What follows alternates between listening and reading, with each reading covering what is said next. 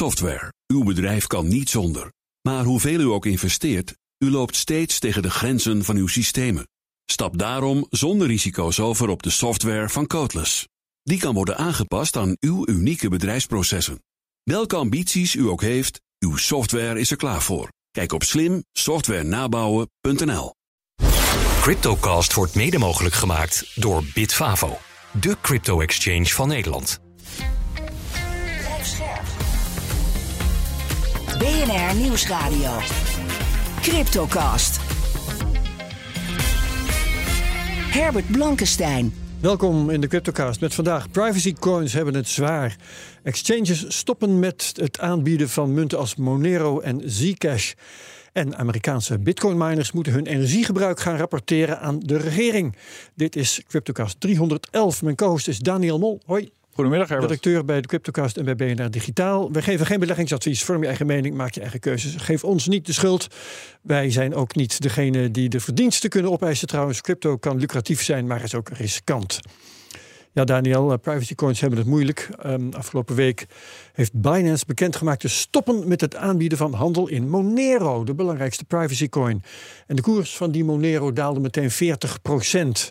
De uh, privacy coins hebben het al langer zwaar. Wat, wat onderscheidt ze eigenlijk van de rest? Nou, dat zijn dus munten, privacy coins, waar je eigenlijk het gebruik is niet op te sporen. Uh, als gebruiker kan je dus in anonimiteit betalingen doen. Uh, er is wel een blockchain, zoals we dat ook kennen van Bitcoin, waar je ook min of meer kan verif verifiëren hoe zo'n privacy coin dan werkt. Want je kan ben in ieder geval zeker dat het doet wat het zegt dat het doet. Mm -hmm. Maar alle transacties, alle wallets van gebruikers zijn bij Bitcoin bijvoorbeeld wel inzichtelijk. Dat weten we ook. Bij Bitcoin zijn ze pseudoniem. Ja. En bij coins als Monero zijn ze echt anoniem. Dus dan heb je geen idee wie geld naar wie stuurt, waar geld staat opgeslagen, et cetera. Ja, nou, privacy is leuk. Uh, het, het, biedt ook mogelijkheden hè, als je echt wat te, ja. te, verbergen hebt. Binance stopt nu met het aanbieden van uh, de handel in Monero. Is dat nou een knieval voor de regelgevers overal ter wereld? Ja, Binance geeft dat niet specifiek zo aan, maar ik denk dat we er toch wel een beetje vanuit kunnen gaan. Uh, volgens het officiële statement van Binance voldoet Monero niet meer aan de eisen die Binance stelt aan een coin op zijn exchange. Nou, dat is heel breed en vaag. En we kunnen vaststellen dat niet alleen de privacy coins het moeilijk hebben, maar Binance heeft het ook even moeilijk gehad. Zeker, die, die, die, staan echt, die staan echt onder flinke, die staan echt op de radar van de toezichthouders en, ja. en niet geheel onterecht natuurlijk. Um, maar het is, denk ik, Binance neemt hier het zekere voor het onzekere. Uh, wat betreft Monero, er wordt helemaal niet zoveel meer gehandeld in dat soort coins. Uh, ze waren vroeger een stuk populairder. Uh, dus dan is de beslissing snel gemaakt. Of je loopt een heel groot ja. risico door die coin op je platform te houden.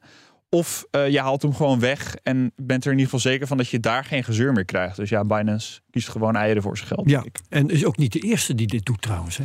Nee, uh, bij een groot deel van exchanges is het eigenlijk al niet meer mogelijk om coins als Monero en Monero zelf uh, te krijgen. Een paar voorbeeldjes. Eind 2023 maakte OKX, Chinese exchange, al bekend te stoppen met Monero. Huobi deed dat in 2022 al. Coinbase is bijvoorbeeld helemaal nooit begonnen met Monero aanbieden. Die, die dachten denk ik al vanaf het begin, joh, dit is misschien geen goed idee. Grote Europese partijen als Bitfavo hebben bijvoorbeeld ook nooit Monero op het platform uh, gehad. Of in ieder geval nu niet meer. Um, is één duidelijke uitzondering en die vind ik leuk om te benoemen. Dat is Kraken, Amerikaanse exchange, ook een behoorlijk populaire. Ja. En zij kiezen echt duidelijk voor een andere kant. Zij hebben Monero nog steeds op een platform en die hebben ook als reactie op Binance getweet: privacy is not a crime.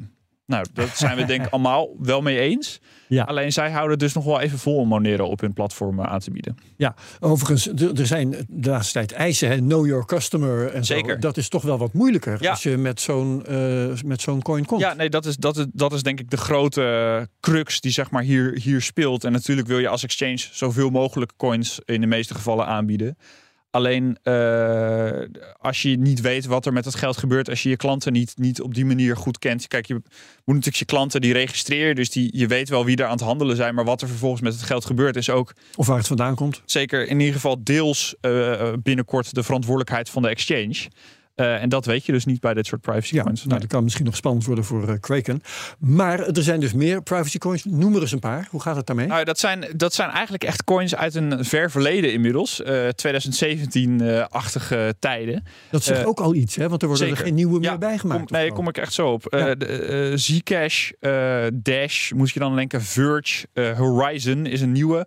Eh, het zijn allemaal projecten die vooral vroeger populair waren. Als je nu dan Er is ook eens een eh, aangepaste versie van Bitcoin geweest. Een fork. Bitcoin, Ja, Bit- Bitcoin Private. Ja, ik. Bitcoin Private, eh, daar ben ik nog ingestonken. Was, eh, was geen geweldige belegging, kan ik je zeggen. Ehm, eh, de- eh, eigenlijk doen al die coins, de, de gemene delers, dat al die coins het de afgelopen jaren gewoon veel minder goed hebben gedaan dan de rest. Het, is, het gaat nu veel meer om smart contract, utility.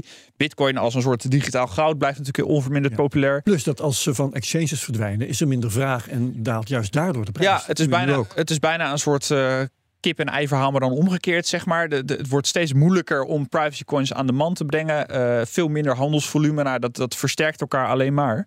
En dat zie je dus ook over de hele linie. Niet alleen Monero ligt onder vuur, maar ook Zcash, ook eh, andere projecten. En dat is wel heel grappig.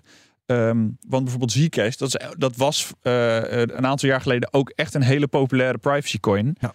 Ehm, daar wordt dus actief nagedacht over updates aan het protocol om het meer in lijn met bijvoorbeeld de eisen van Binance te maken. Dus dan leveren ze bewust wat privacy in. Ik zeggen, ja. ehm, om het meer om het voor een exchange compliant te maken. Dat is wel heel interessant. ja. Maar dan vernietig je je eigen selling point. Eh, ja, deels wel. En dat, dat, bijvoorbeeld Horizon, een coin die ik net al noemde, dat is een wat nieuwere munt. Die werd ook heel erg in de markt gezet als privacy coin. Die besluiten nu gewoon helemaal om van die privacy features af te stappen. En gewoon als een, een soort rebranding te doen. Want ze, ze zien eigenlijk al, ja jongens, dit is niet de kant waar de markt op gaat. En de regelgever gaat steeds meer eh, aandacht schenken aan de cryptomarkt. En dan zijn privacy coins de eerste die eh, geslachtofferd worden, denk ik. Ja. Ehm, hoe werkt dat nou voor eh, klanten van Binance die met Monero bezig zijn geweest? M- moeten die nu verkopen? Wat, wat, wat moeten ze doen? Nou, die, die, je krijgt allemaal dan een mail eh, waarin gezegd wordt: Nou, oké, vanaf eh, dit moment, volgens mij is dat vanaf maart, stopt de handel in Monero. Eh, dus dan heb je de kans om nog te verkopen, je coins van het platform af te halen, wat dan ook. En daarna wordt je positie, denk ik, gewoon geliquideerd. Zal het zijn. En eh, ja, dan is het gewoon klaar met, met Monero en Binance. Dus als je zelf niet verkoopt, doet de exchange het voor jou. Ja, of je hebt alleen nog maar de kans om de, de coins van het platform af te halen. eh, Naar je eigen wallet, dat kan natuurlijk precies. altijd. Ja, ja, ja. Ja, Dus- ja, maar w- hoe je ze dan nog kwijtraakt, dat is dan ja veel plezier ermee. Ja. Ja, nou misschien dat dat via peer-to-peer... eh, nou ja, goed, maar dat Zeker. is een, een soort wapenwedloop krijg je dan... Hè, voor mensen die per se die privacy willen. Ehm, Oké, ehm, is, eh, is er verder nog ehm, iets over MICAR te zeggen? De regelgeving die we in Europa krijgen... heeft die iets speciaals te zeggen Nou, over dit soort dingen? Dat is dus wel interessant. Eh, dat is een nieuw pakket regels wat, eh, wat we wat eigenlijk nu aan het uitrollen is en wat we de, wat de, waar exchanges echt het komende jaar zich aan gaan moeten houden. En daar staat heel specifiek in eh, dat crypto assets die ingebouwde anonimiteit hebben, dus dan hebben we het heel duidelijk over Monero, Zcash, Ja. die mogen niet meer worden toegelaten op eh, crypto platforms eh, of exchanges eigenlijk.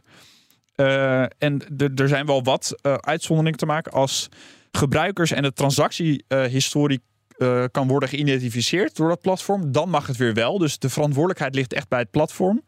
Eh, dus vandaar ook dat Zcash bijvoorbeeld eh, allerlei updates aan, aan hun coin gaat doen waarschijnlijk om het eh, compliant te maken.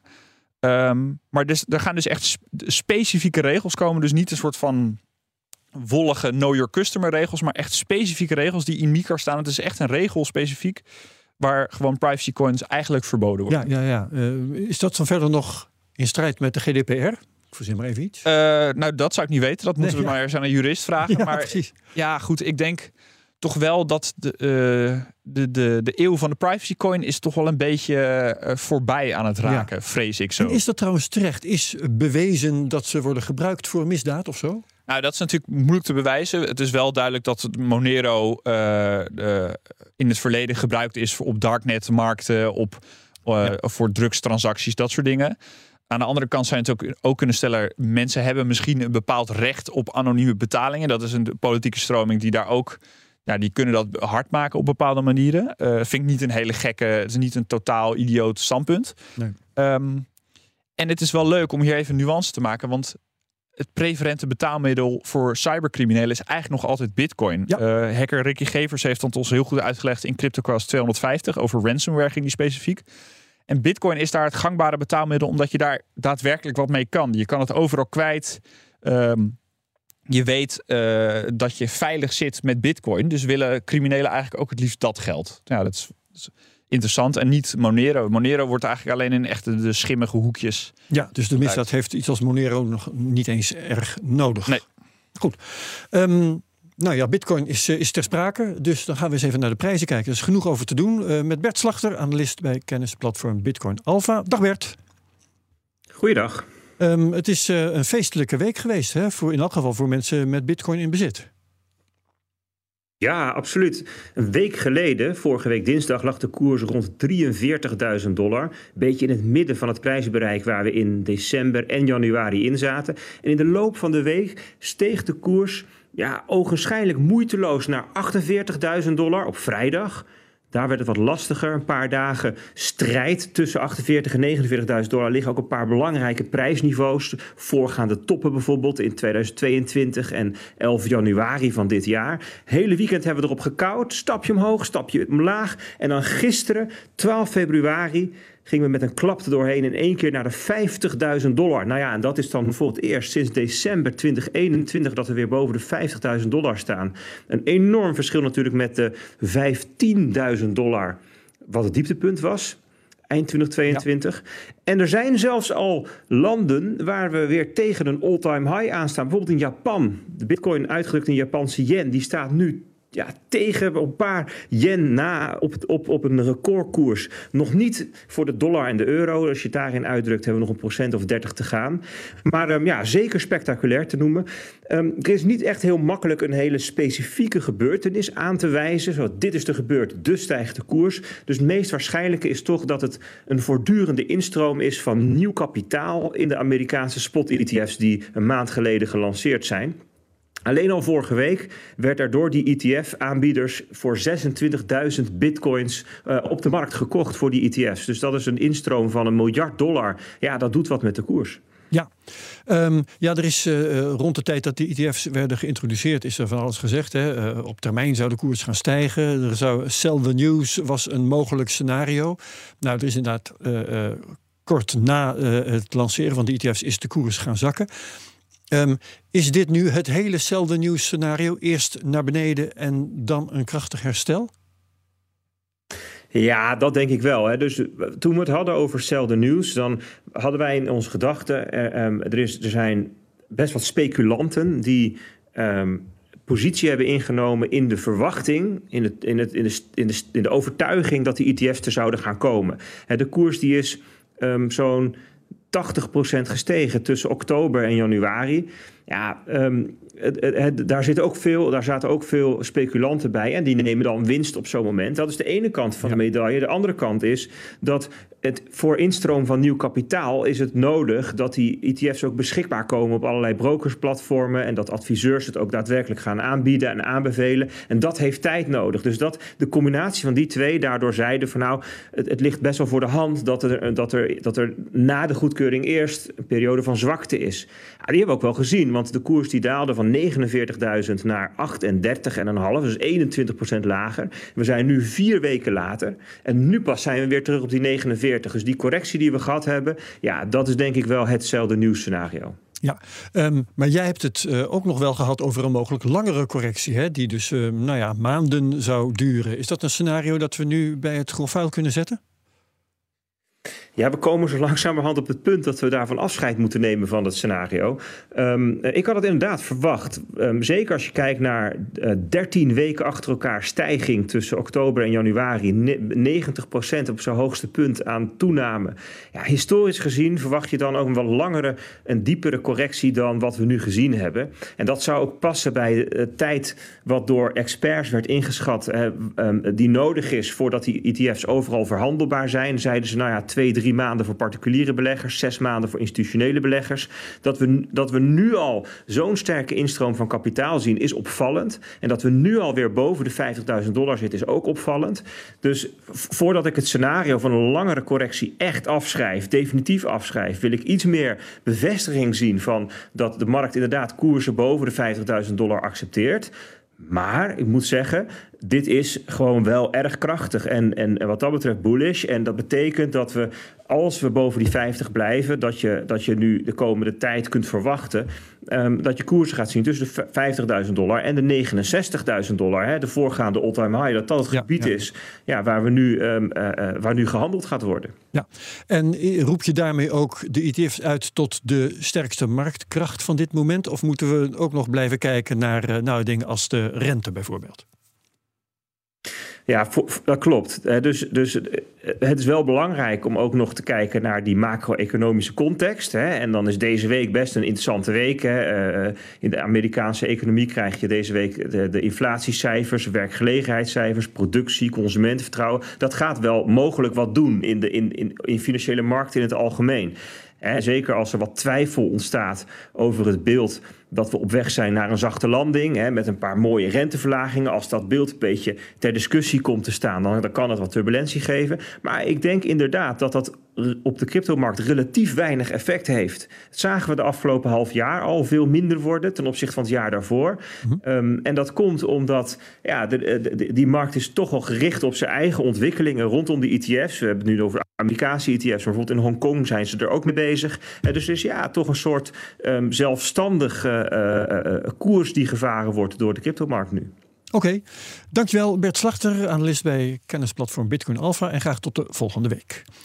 Um, Daniel, bitcoin miners in de Verenigde Staten moeten vanaf begin februari hun energiegebruik gaan doorgeven aan de Amerikaanse regering. Dat is een maatregel die het ministerie van Energie meer inzicht moet geven in het stroomverbruik van miners. Best wel een opvallend bericht. Um, wat, wat, wil het Witte Huis daarmee gaan doen met informatie over dat energiegebruik? Eigenlijk willen ze uh, kortweg grip krijgen op deze industrie. Uh, het is natuurlijk, de mining in de VS is uh, om het een beetje in context te plaatsen, de laatste drie jaar eigenlijk echt geëxplodeerd. Uh, Mede doordat China natuurlijk eruit heeft gegooid. Ja, China, heeft, China was eigenlijk het populairste miningland ter wereld. Uh, en toen heeft de communistische partij gezegd, en dat kan daar natuurlijk een stuk makkelijker dan elders in de wereld. Jongens, we willen dit helemaal niet meer uh, kappen. En nou, toen is iedereen uh, hals over kop vertrokken. Ja. Het grootste deel van die, van die rekenkracht op het netwerk is geland in Amerika. Um, en het Amerikaanse ministerie van de Energie, dat is natuurlijk de regering Biden, die, die meer onderzoeken doen naar crypto, toch wat kritischer staan uh, richting crypto.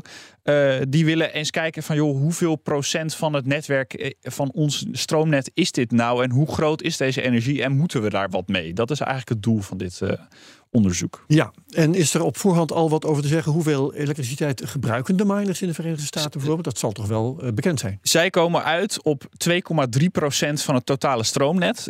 Dan denk je, nou, dat is best wel veel. Het is een grote, grote industrie inmiddels. Um, en dat gaat dan over als alle uh, 101 miners, want zoveel hebben ze er onderzocht, uh, 101 bedrijven. Het totaal zijn er ongeveer 137 miningbedrijven in de VS. 101 gaven daadwerkelijk een reactie op de vraagstelling van het, van het ministerie. Als zij alle, al hun miners tegelijk voluit openzetten, is dat 2,3% van het totale Amerikaanse stroomnet. En dat is dan het equivalent van een extra staat eigenlijk toevoegen aan het stroomnet. Hè? Zo ongeveer 50 staten, 2,3%, dat klopt wel. Ja. Um, daar zitten wel weer wat aannames in. Uh, de, de, de cijfers die zij gebruiken komen van het Cambridge Center for Alternative Finance. Dat, Die zijn verbonden aan universiteiten. En dat zijn cijfers van twee jaar oud. Um, oh. Dus daar moeten we even rekening mee houden. Maar ze zijn dus nu zelf een onderzoek gestart.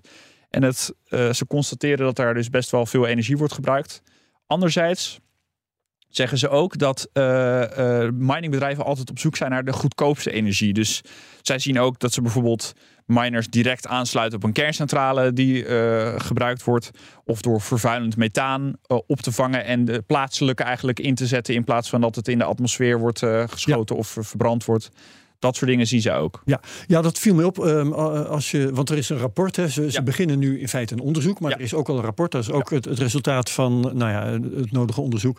En daarin blijken ze wel een open oog te hebben. Ook al zijn de democraten dan kritisch op Ja. crypto. Open oog voor het feit dat eh, miners erg gemotiveerd zijn om eh, groene energie te gebruiken. En ook bijvoorbeeld bereid zijn. oh, en trouwens ook overschotten te gebruiken. Hè, Ja. Die er liggen bij wa waterkrachtcentrales bijvoorbeeld. En ook bereid zijn om hun apparatuur uit te zetten als er veel vraag Ja. is van de andere kant. Ja, nou, en dat is, dat is de, de kern van dit verhaal. Is natuurlijk wel.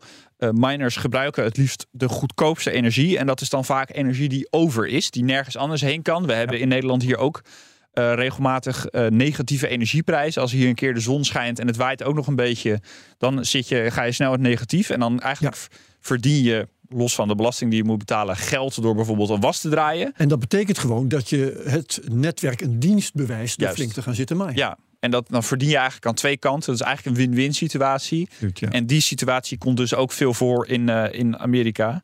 En wat dus interessant is, eh, het ministerie gaat het in de gaten houden, maar gaat dus ook periodiek een soort enquête sturen naar miners, hoe zij, hoeveel zij verbruiken, hoeveel de bitcoin miners zij hebben draaien. En dat is natuurlijk wel interessant, want dan krijgen we eigenlijk up-to-date verifieerbare informatie die eh, we eigenlijk nu van Cambridge moeten halen of van wat andere onafhankelijke onderzoekers.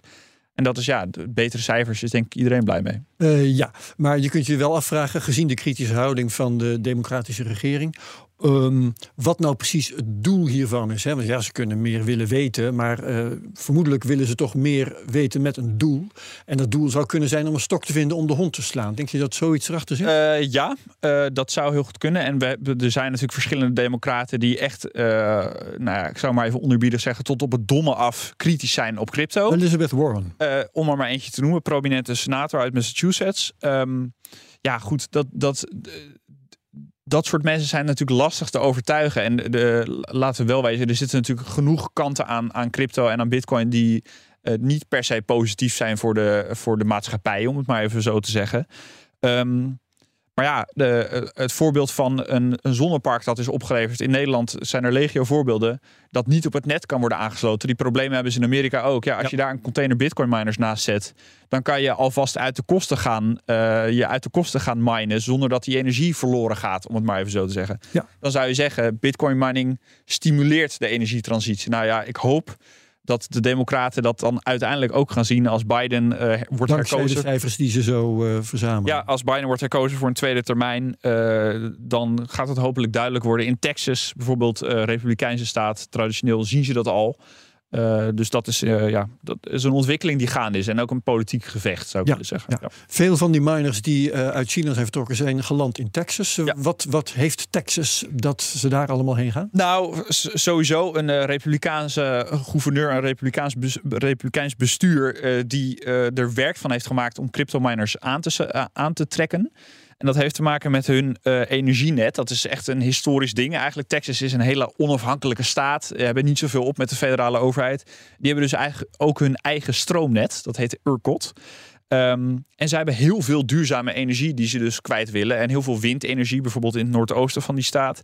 En daar spelen bitcoin miners dus echt een rol. Dus als er een sneeuwstorm is, dan schakelen ze de boel af en dan gaat alles naar de bevoegdingskernen, de stroom. En als ze een overschot hebben door bijvoorbeeld die windenergie, eh, dan zetten ze de bitcoin miners flink aan en dan wordt er geld verdiend. Ja, Ja, dat is best was de laatste tijd trouwens ook wat te doen over het lawaai van eh bitcoin miners. Er waren Ja. wat mensen die hadden daar klachten over. zijn alle, zijn, er zijn externaliteiten eh, van elke industrie, denk ik. En ik Ja. denk dat we dat eh, sowieso in de gaten moeten houden. Oké, ehm, we gaan ook nog een eh, podcast opnemen zo direct. Ja. En eh, we gaan het hebben over Solana. Interessant. Ja, de eerste er keer over. dat we, dat we het in de CryptoCast hebben over, over deze munt. Dat is eigenlijk een, een, een coin die zich eh, sinds 2020 al een tijdje aan het positioneren was als Ethereum killer. Dus eh, als, als smart contract platform waar je allerlei dingen mee kan doen. Ehm, en daar de meest succesvolle in is ook wel. Hè, ja, de inmiddels wel, ja. Eh, inmiddels wel. En eh, tegelijkertijd zijn er toch veel vragen over decentraliteit, over dat het netwerk soms uitvalt, dat soort dingen. Was nog. ja. Ehm, maar aan de andere kant gebeuren er dus ook heel veel dingen. Een groot deel van de NFT's, die nog steeds levendig in gehandeld wordt, die spelen zich inmiddels af op Solana. Er is heel veel DeFi op Solana. Er zijn allerlei. Ja, toch, er wordt veel gebouwd op, op een netwerk. En het is toch interessant om daar eens over te gaan praten. En hoe dat zich verhoudt met Ethereum. Wat we traditioneel als dat, zo'n soort smart contract netwerk zagen. Met wie? Dat doen we met Simon Postma. Eh, en die ontwikkelt dus allerlei dingen op Solana. Eh, ontwikkelt ook voor de Solana telefoon, want die is er ook. Eh, Goed onderwerp. Ja, en we gaan hem dus even uithoren van hoe zit dat netwerk nou in elkaar? Uh, wat zijn de uitdagingen? Waar, waar, waar, zitten de problemen? En wat voor dingen? Waarom is het anders dan Ethereum? En uh, hoe positie, positioneert Solana zich als concurrent van, van Ethereum? Dat is wel ja. interessant. Oké, okay, gaan we doen zo direct. Uh, dankjewel Daniel Mol als mijn co-host in deze CryptoCast. Wie meegaat naar die podcast heel graag. Lukt dat niet, dan ja, ook prima. Je hebt jezelf ermee. Maar in ieder geval dan graag tot de volgende week bij de CryptoCast op BNR. CryptoCast wordt mede mogelijk gemaakt door Bitfavo, de crypto-exchange van Nederland. Software. Uw bedrijf kan niet zonder. Maar hoeveel u ook investeert, u loopt steeds tegen de grenzen van uw systemen. Stap daarom zonder risico's over op de software van Codeless. Die kan worden aangepast aan uw unieke bedrijfsprocessen. Welke ambities u ook heeft, uw software is er klaar voor. Kijk op slimsoftwarenabouwen.nl